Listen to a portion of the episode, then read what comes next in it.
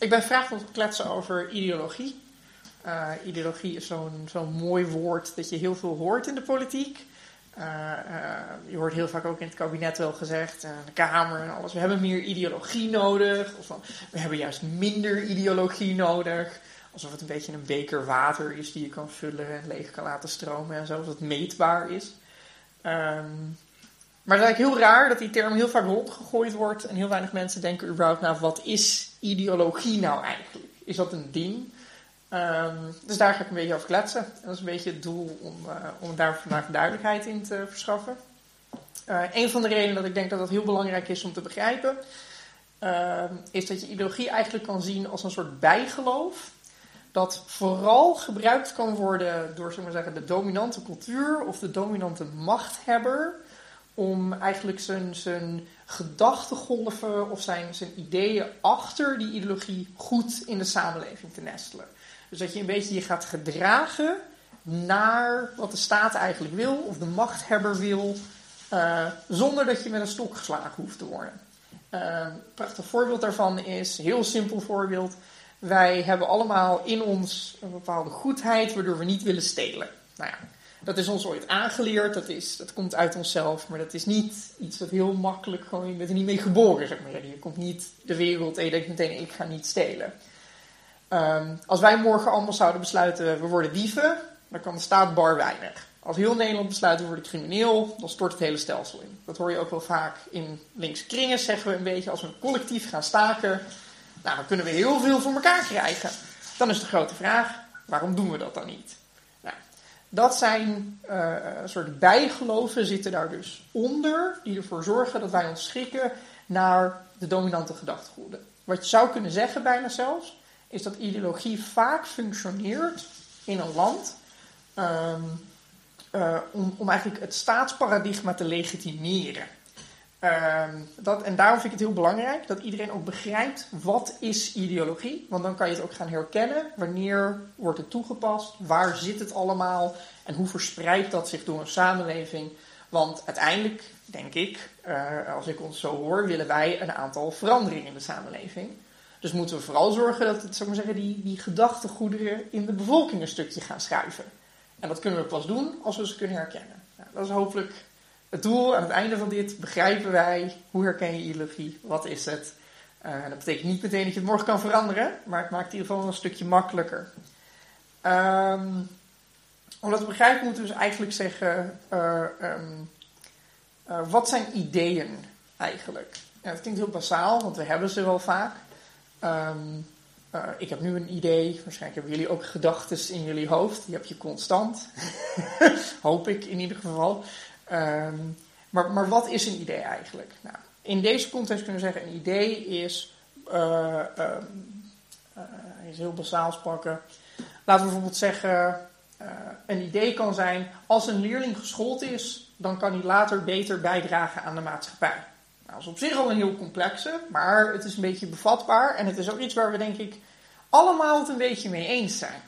En dat is raar, want dat zal je aan de rechterpolitieke flank en de linkerpolitieke flank zullen het allemaal collectief eens zijn met dat idee. Nou, het vreemde daaraan is dat het dus is een gezamenlijk idee en daardoor werkt het. Het vreemde daaraan is dat we dat allemaal anders invullen. maar toch werkt dat. Hoe werkt dat idee? Nou, dat bestaat, dat is een ding, parkeren we even. Nou, even staan. Dat is dus een idee. Um, um, wat het moeilijker maakt, is dat, omdat we het dus niet eens zijn over die ideeën met elkaar, je een soort. Je moet als mens dus een soort verbinding ontwikkelen met dat idee. Als ik zeg scholing, dan krijgen wij allemaal een beeld daarbij. Als ik zeg scholing, dan denk ik aan een, uh, een collegezaal gevuld met leerlingen die mooi mee zitten te pennen en mee zitten te schrijven. Maar sommige mensen denken dan heel snel aan een vakschool Um, en dat probeer je eigenlijk een beetje bij elkaar te verzamelen. Nou, dat kan een soort verzamelidee worden. Uh, in Nederland brengen wij dat heel mooi onder in ministeries. Uh, dat is hoe de staat dat zeg maar, probeert te legitimeren. Dus heb je het ministerie van Onderwijs, het ministerie van Cultuur. En die legitimeert daar eigenlijk een hele rits aan ideeën. En dat kunnen ideeën zijn zoals iemand van 18 jaar heeft recht op staatssteun om onderwijs te kunnen volgen. Maar, en daar gaan we al, alleen maar bij instituten die van de staat een labeltje hebben gekregen. En dat idee dat daar zit, dat is een fysiek idee. En dat probeert de staat te legitimeren als oké door een hele rits aan ideologieën over ons heen te gooien. Want in principe is dit logisch. We zijn wel met elkaar. Maar daar kan je al discussie over gaan voeren. Ik bijvoorbeeld persoonlijk vind het eigenlijk heel vreemd dat de staat namelijk zegt: deze onderwijsstructuren geven we geld voor en deze niet. Dat is eigenlijk heel raar als je erover nadenkt. Want eigenlijk leiden we dus in Nederland, mag de staat dus eigenlijk een beetje bepalen wat vooral mensen zonder geld mogen gaan studeren. Want ja, als ik niet voldoende verdien, kan ik niet een studie doen die de staat niet oké vindt. Maar daar ontstaat geen discussie over in Nederland. Dat zie je niet gebeuren. Je ziet niet, zeg maar zeggen, partijcongressen. Je ziet niet in de Tweede Kamer. Zie je geen heftige discussies ontstaan over welk onderwijs wel en welk onderwijs niet. Soms ontstaat dat een beetje, wel of geen vakscholen. Soms zie je een beetje de randdiscussies ontstaan. Maar in de breedste zin ontstaat er geen discussie. Nou, hoe komt dat? Dat is ideologie. En dat moet je gaan begrijpen aan het einde van dit. Nou, je zou dat soort ideeën ook als producten kunnen gaan beschrijven. Want het zijn schuivingen van materiële middelen. Daar gaat het eigenlijk over. ga ik het even heel tastbaar maken. Dit is een biertje. Voor mensen die luisteren, ik heb een, uh, een Schultenbrouwer vast. Dat is een best wel oké biertje in mijn ervaring.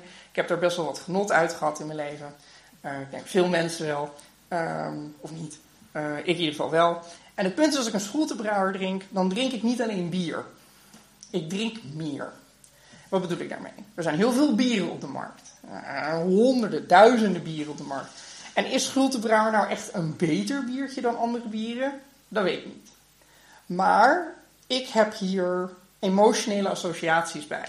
Ik ben een keer goed dronken geworden op een Schultenbrouwer met een paar vrienden. Dus elke keer voor de rest van mijn leven als ik een Schultenbrouwer opentrek, denk ik terug aan die avond. Onbewust, misschien heel klein, maar dat zit wel degelijk in mijn hoofd. Als iemand tegen mij zegt Heineken, dat is altijd leuk om in een zaal te doen. Heineken, heb je al meteen een paar mensen. Piswater, is vreselijk slecht. Je wel dat soort meningen over je heen. Dat is eigenlijk uh, uh, een deel ideologie. Dat is een stuk emotionele verbinding dat jij vastgemaakt hebt aan een product, zonder dat het eigenlijk over het product gaat. Ja, soms heb je wel dat je zegt, deze chocola is lekkerder dan die chocola. Maar wijst uit, als je dat test bij heel veel mensen, dat hebben we vast wel allemaal gezien, er zijn vast heel veel leuke onderzoeken over, zie je wel eens op televisie. Als je vijf mensen verschillende wijnen geeft, dan vinden ze vaak niet eens de duurste lekkers. Dus dan is de vraag, waarom is die duurste nou het duurst? Nou, vaak ideologie die erachter zit. Er zit een mooi stempeltje op. Er zit zo'n goud sterretje. Een van de instituut heeft gezegd dat dat oké is. En dat instituut legitimeert zichzelf dan weer, want het bestaat al 300 jaar. En 300 jaar bestaan is blijkbaar per definitie een goed iets. Het kan ook zijn dat ze gewoon veel geld hebben gekregen en andere instituten niet. Kan ook. Maar dat stukje ideologie, dat blijft er op die manier steeds maar doorheen wikkelen. En om zichzelf, om zichzelf heen grijpen en aan dingen vasthouden. Nou. Um, voor ideologie om te functioneren, en dit is, last, dit is is een raar iets, moet ideologie uh, uh, een soort belofte doen. Dus ideologie gebruikt een soort woorden die veel emotionele associatie hebben. Gelijkheid, vrijheid. En je zal horen dat die nooit gedefinieerd worden. De Nederlandse staat, bijvoorbeeld, in haar grondwet definieert een aantal zaken heel goed. Kijk maar naar grondwet artikel 1. En ieder die zich in Nederland bevindt, moet in gelijke gevallen gelijk behandeld worden. Is een relatief duidelijk artikel. Kan je bij een rechter toetsen, kan je relatief veel aan vastmaken. Twee mensen komen bij de staat met een ongeveer gelijk probleem. De een moet wel een rekening betalen, de ander niet. Komt bij de rechter terecht en de rechter zegt uiteindelijk: Ja, wacht even.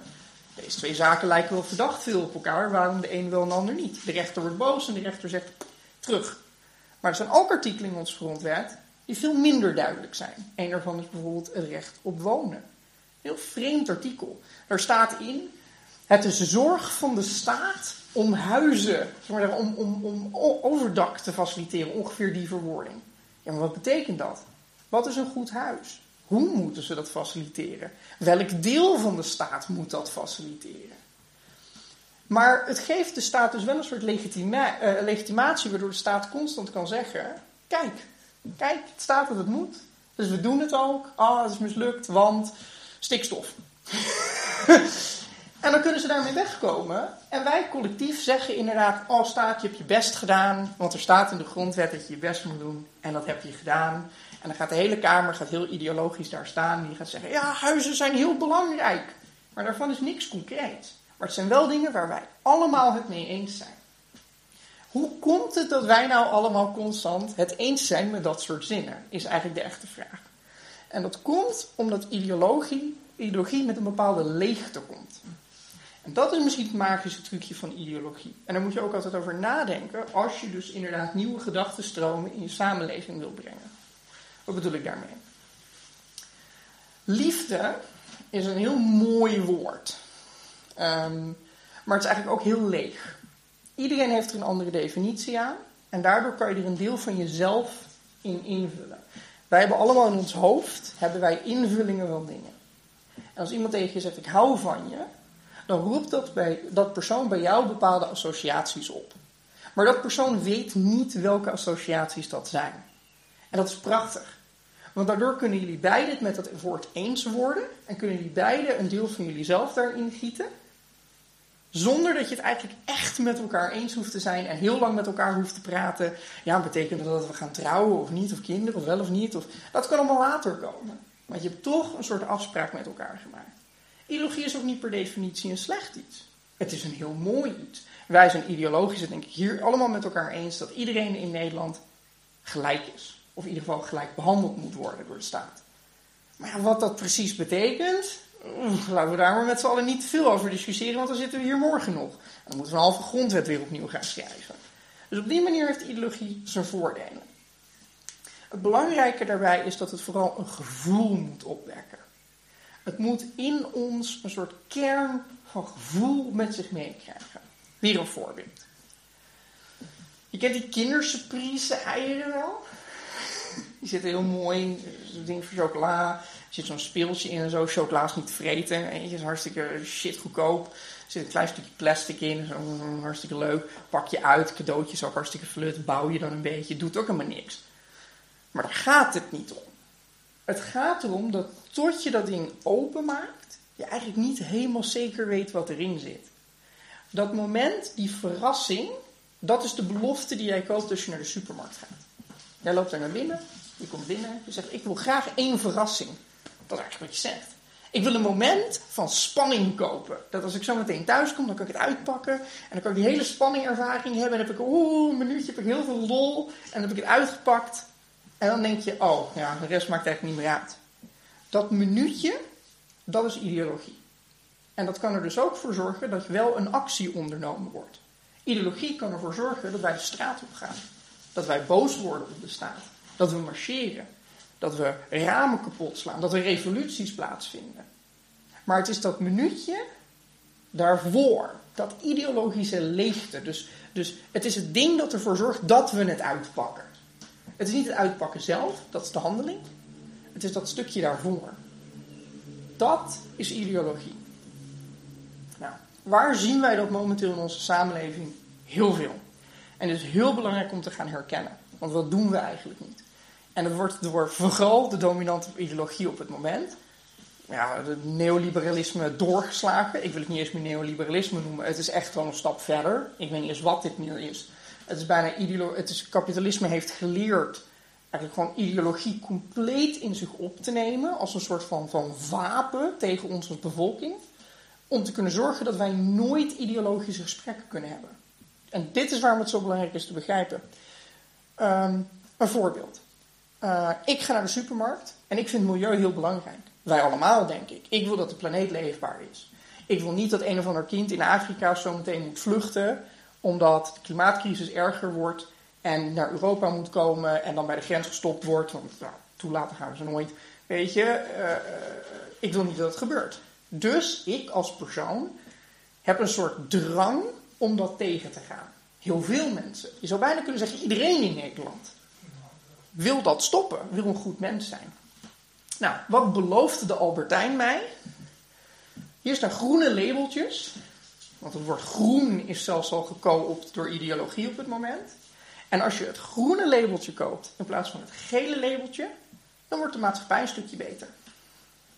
Dan voorkomen wij kinderen in Afrika die moeten lijden. En het punt is, Albertijn hoeft die belofte nooit te maken, want dan zouden ze een probleem hebben. Dan zou namelijk een soort controlemechanisme kunnen opstappen. Want dan kan ik zeggen, ja, wacht even, jullie hebben beloofd aan mij dat dat zou gebeuren. Maar nu kan Albertijn zeggen, nee hoor, we hebben het helemaal groen geverfd. En dan zijn ze klaar. En dat is die ideologische leegte weer. En die heerst ook vol bij ons in de Kamer. Rood is zo'n kleur. zeg, ja, ik heb een rood jasje. Ik voel me rood. Een beetje lichtrood zijn volgens mij net nog. Ja, ik voel me rood. Dat is mooi, zo'n kleur, hè? Waar rode vlaggen uithangen maakt nog niet een socialere samenleving. Maar wij kunnen dat wel gebruiken als een wapen. En dat doen we ook heel goed. En dat zie je nu ook bijvoorbeeld in landen waar bijvoorbeeld heel hard op socialisme wordt ingeslagen. Hier gelukkig nog niet. Ik bedoel, wel door de ideologie, maar nog niet met stokken. Waar dus bijvoorbeeld in sommige landen gewoon rode vlaggen überhaupt toch zelfs verboden worden. Als je kijkt naar China op het moment. China gaat heel extreem op het moment. Daar mag je. China is een, is een overheid die pretendeert gestald te zijn in communistische onderbouwing. Maar Mao lezen is verboden. Dat is raar, want daar hebben ze zelf hun eigen gedachten uitgehaald. Maar hem echt lezen, dat mag niet. Je mag alleen een gecensureerde versie van hem lezen. Stalin mag, mag ook niet. Marx is al helemaal uit den boze. Een, een Marx-discussiegroep in een communistisch land in China, dat mag niet. En hoe komt dat? Omdat de woorden die gekoopt zijn door de staat, communisme, samenwerking, etc., die, die moet de staat in hand kunnen houden. De staat wil een soort monopolie hebben op de definitie van die woorden. Bij ons is dat niet de staat. Nou, tof zou je denken, jammer, het is een ander orgaan geworden, het is kapitalisme geworden. Het zijn alle grote bedrijven. Shell die zegt, we hebben net ons logootje groen gemaakt en dan voelen we ons toch allemaal ergens een beetje beter. Het rare is wat we dus moeten leren als we ideologie willen gaan herkennen, is dat we moeten begrijpen wanneer dat gevoel in onszelf omhoog komt. Wanneer voel ik ergens dat ik iets goed doe? En dat moet je gaan analyseren.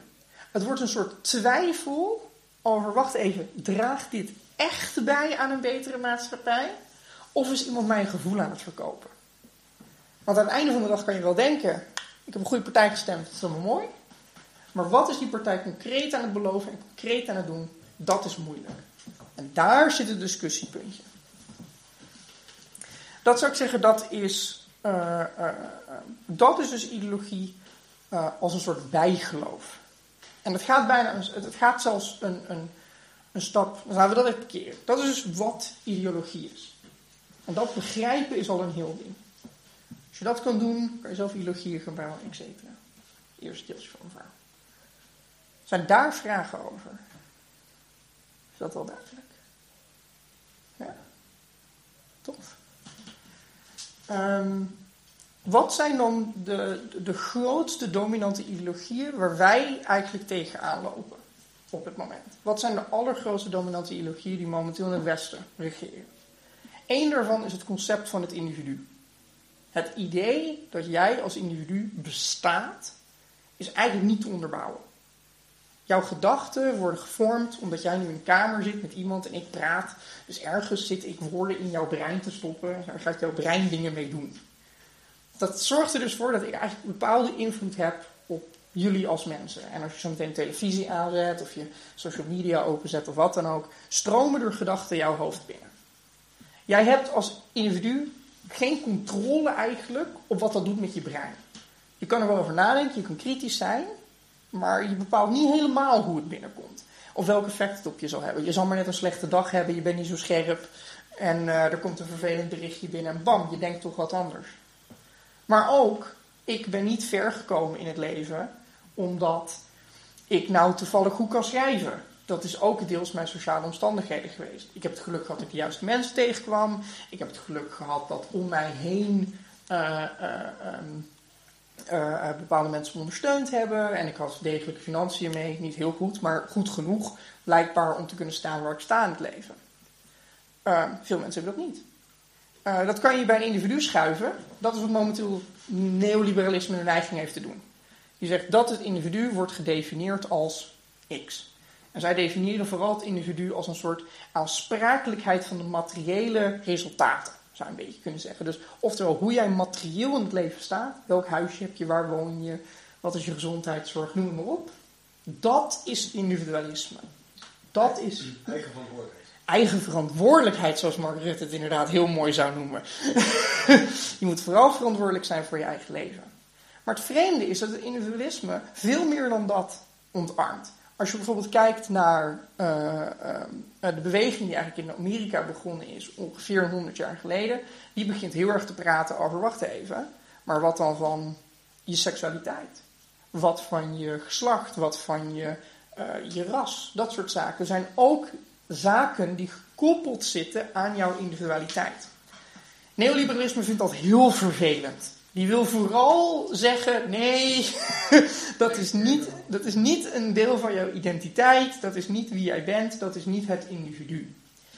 En dat soort strijden zijn nu eigenlijk bezig. Als je dus kijkt over waar we vaak zeggen: wat is, uh, we hebben meer ideologie nodig in Nederland, of er moet ideologisch ontwikkeld worden, dan is het vaak niet handig om tegen die ideologie aan te gaan en je eigen ideologie daarvoor terug te leggen.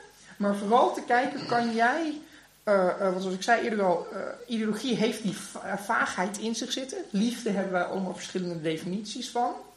Kan jij die woorden gebruiken om mensen mee te trekken in hoe jij dat invult? Wat voor ons samen, samenleven betekent. Wat voor ons gelijkheid betekent. Er wordt ook wel definitiemacht genoemd. En dat is eigenlijk wat in de Kamer constant bezig is is, is de, de macht om een woord te mogen definiëren. 30 jaar geleden noemden wij, betekende immigratie iets heel anders in Nederland dan het nu doet. Uh, uh, nu met Oekraïne is het weer een ander woord aan het worden. Dat is een beetje spannend, niemand weet hoe het helemaal gaat uitpakken. Maar je ziet dat toch het sentiment deels aan het veranderen is. Omdat we een tijd lang bij het woord vluchteling een bepaald beeld hadden. Uh, heel mooi door het nieuws vooral in elkaar gezet dat elke keer als je zei vluchtelingen, dan had je meteen een shot daarna van een paar donkere mensen die op een boot, zeg maar zeggen, op de Middellandse Zee aan het dobberen waren. Dus die woorden werden een beetje aan elkaar gekoppeld. Nu, als we het woord vluchteling zeggen, nou, dan zie je toch vooral een, een oorlogsvluchteling in een auto met drie katten onder de arm en nog een kind. Dezelfde huidskleur als toch de meerderheid van de bevolking hier. Dat is opeens het beeld. En je ziet dus ook dat daardoor schuiving ontstaat in het draagvlak van vluchtelingen, immigratie, etc. Terwijl eigenlijk concreet er niks veranderd is. Het beleid verandert niet in Nederland, het blijft ongeveer hetzelfde, etc. Dat is een stukje ideologie. Wat vinden wij een immigrant? En wat wij vooral kunnen doen, nou wij in deze context, maar wat vooral gedaan moet worden als je nadenkt over je politieke stromingen, is hoe kan je die ideologie beïnvloeden? Hoe kan jij meepraten over de sentimenten die eigenlijk in ons allen leven? Want wij streven allen voor gelijkheid. Wij streven allebei, allemaal voor een schuldenbrouwertje. Dat willen we allemaal. Maar wat zit er in een schuldenbrouwer, zijn we het niet over eens met elkaar. En dat moeten we vooral uitvogelen. En daar moet je vooral over nadenken wat eraan gekoppeld zit. Dus in plaats van discussies waar inderdaad iemand in je buurt zegt: oh, ik vind A. En dan jij denkt: nee, nee, nee, ik vind B. Is het vaak belangrijker om na te denken: wacht even. Volgens mij betekent A voor hun misschien iets anders dan voor mij. En kan ik daar misschien de ruimte in vinden? Uh, even kijken. Wat is dat stukje? Ja, en dan tot slot, het belangrijkste is dat. Um, um, laten we vooral onthouden dat wat kapitalisme vooral als, als, als prominente ideologie constant naar buiten probeert te drijven, is consumptie. Consumptie is, is de boot waar kapitalisme, zou ik maar zeggen, op drijft. Die is langzaam al kapot aan het gaan op heel veel manieren. die is heel langzaam met elkaar aan het vallen, want het is gewoon niet meer te doen, die eeuwige groei. En je zal dus ook zien dat, uh, zoals ik in het begin al een beetje probeerde duidelijk te maken, dat constant ten alle tijden de staat nu haar propaganda gaat herdefiniëren. De staat is niet goed, maar de prominente machthebbers, de, de, die beginnen hun, branding aan te passen. Als het is ook zo'n mooi ding. Even een zijspoor. Branding, dat is gewoon propaganda. Dat hebben we heel mooi vernoemd. Dat, ik ben ook heel groot voorstander. Noem het alsjeblieft, alsjeblieft roep een ministerie van propaganda weer in, in naam, want dan kunnen we terugvechten. Want nu zitten we er allemaal een beetje bij en de staat zegt: nee, wij doen geen staatspropaganda hoor. Wij zijn niet van mening dat. Ja, dan geef je dus eigenlijk de sleutels van, van het fort van mensen hun brein, geef je aan de vrije markt. En dat is een beetje waar we terecht zijn gekomen. Dan kan inderdaad Shell maandag, dinsdag, woensdag zeggen: Ja, groen betekent dat je, dat je vooral een mooie auto rijdt die elektrisch is. Nou, waar dat van gebouwd is, dat maakt er maar niet uit. Uh, en het betekent ook vooral dat als je zonnepanelen hebt, dat je het goed gedaan hebt. Dat je die commentaar is irrelevant. Weet je, dat is de boodschap van Shell. En wij als staat vechten daar eigenlijk niet tegen terug. De staat is daar een beetje bij gaan liggen. En die heeft gezegd, nou ja, weet je, dat is niet aan ons. Uh, in de befaamde woord. Hm? Die staat, het kapitalisme erom. Ja, precies. Uh, de staat, zou je bijna kunnen zeggen, de, de, de, inderdaad de prominente machthebbers, um, die dan ga je dus weer terug naar het legitimeren van het, dominant paradigma eigenlijk. Dus wat je krijgt is, je krijgt een staat die, die eigenlijk vooral gelooft in vrijheid gedefinieerd op een bepaalde manier. En wij gaan daar allemaal collectief in mee, omdat we vrijheid in aanhalingstekens heel belangrijk vinden. En als je dat dus maar constant als staat blijft herhalen, vrijheid is de vrijheid van de vrije markt, dan gaat op een gegeven moment de meerderheid van de bevolking gaat boos worden op mensen die eraan durven te tornen. Als wij dus inderdaad gaan zeggen, ja ho, de markt moet minder vrij. Wat heel veel mensen dan horen, is dat wij eigenlijk zeggen, we willen jullie vrijheid beperken. Want die twee zijn aan elkaar gekoppeld ideologisch, omdat dat woord vrijheid nou net, net leeg genoeg is. Het is net voldoende kindersurprise, dat je eigenlijk nooit weet wat het echt is. Het is net voldoende liefde, waardoor je dus eigenlijk constant met elkaar net oneens kan zijn, maar eigenlijk geen meter vooruit kan komen. En voordat je het weet sta je ruzie te maken over wie de pannen moet opruimen in de keuken. en dan schreeuw je iets naar elkaar. Ik hou niet meer van je of zoiets. Want blijkbaar ging het om pannen of zoiets. En dat is niet het geval. Maar dat komt omdat de definitie van die woorden zo vaag waren. Dat je er maar alles aan vast hebt kunnen koppelen. En we moeten begrijpen dat de dominante machthebber ten alle tijden dat zal misbruiken. Maar, om een beetje optimistisch te zijn, dat wij dat ook kunnen. En daar zou ik hem vooral willen afsluiten door te zeggen, wij kunnen dat ook. En wij kunnen dat een stuk beter, want onze ideeën zijn veel interessanter. Maar we moeten vooral niet tegen een staat aan gaan schoppen en zeggen, dat willen we niet, dat willen we niet. Het gaat juist over het kapen van hun boodschappen, net zoals zij dat bij ons gedaan hebben. Net zozeer als Shell inderdaad woorden als duurzaamheid heeft gekaapt, kunnen wij ook uh, definities als vrijheid en gelijkheid kunnen wij ook kapen. En kunnen we ook opnieuw gaan definiëren. Daar zit, de, de, de huidige opening, zou je bijna kunnen zeggen, in de paradigmaschuiving. Zij, zij hebben niet legitimiteit van die woorden meer. En dat hoor je ook. De bevolking gelooft er vaak niet meer in. Hoor je vaak zien als wat ik ook stem, het maakt toch geen verschil. Dat is een sentiment dat mensen beginnen te begrijpen dat stemmen, dat functioneert niet helemaal meer. Dat betekent niet dat ze niet geloven in democratie, dat doen ze nog steeds. Maar ze geloven dat het huidige systeem er niet voor zorgt dat ze zich democratisch gehoord voelen. En wij kunnen daar discussies over beginnen. En dat zou dus bijvoorbeeld kunnen zijn: geloof jij dat inderdaad een probleem is dat mensen zich niet voldoende kunnen inlezen of niet voldoende vrije tijd hebben om zich te bemoeien tegen een democratisch stelsel? En als wij dus kunnen zorgen dat mensen meer financiële ruimte hebben, dan zouden ze misschien wel bij hun gemeente kunnen klagen en dan zou het wel kunnen werken. Ik zeg niet dat dat de oplossing is, maar ik zeg daar zit discussieruimte. En daar zou ik denk ik vanavond wel een discussie of twee over willen horen. Uh, en daar zou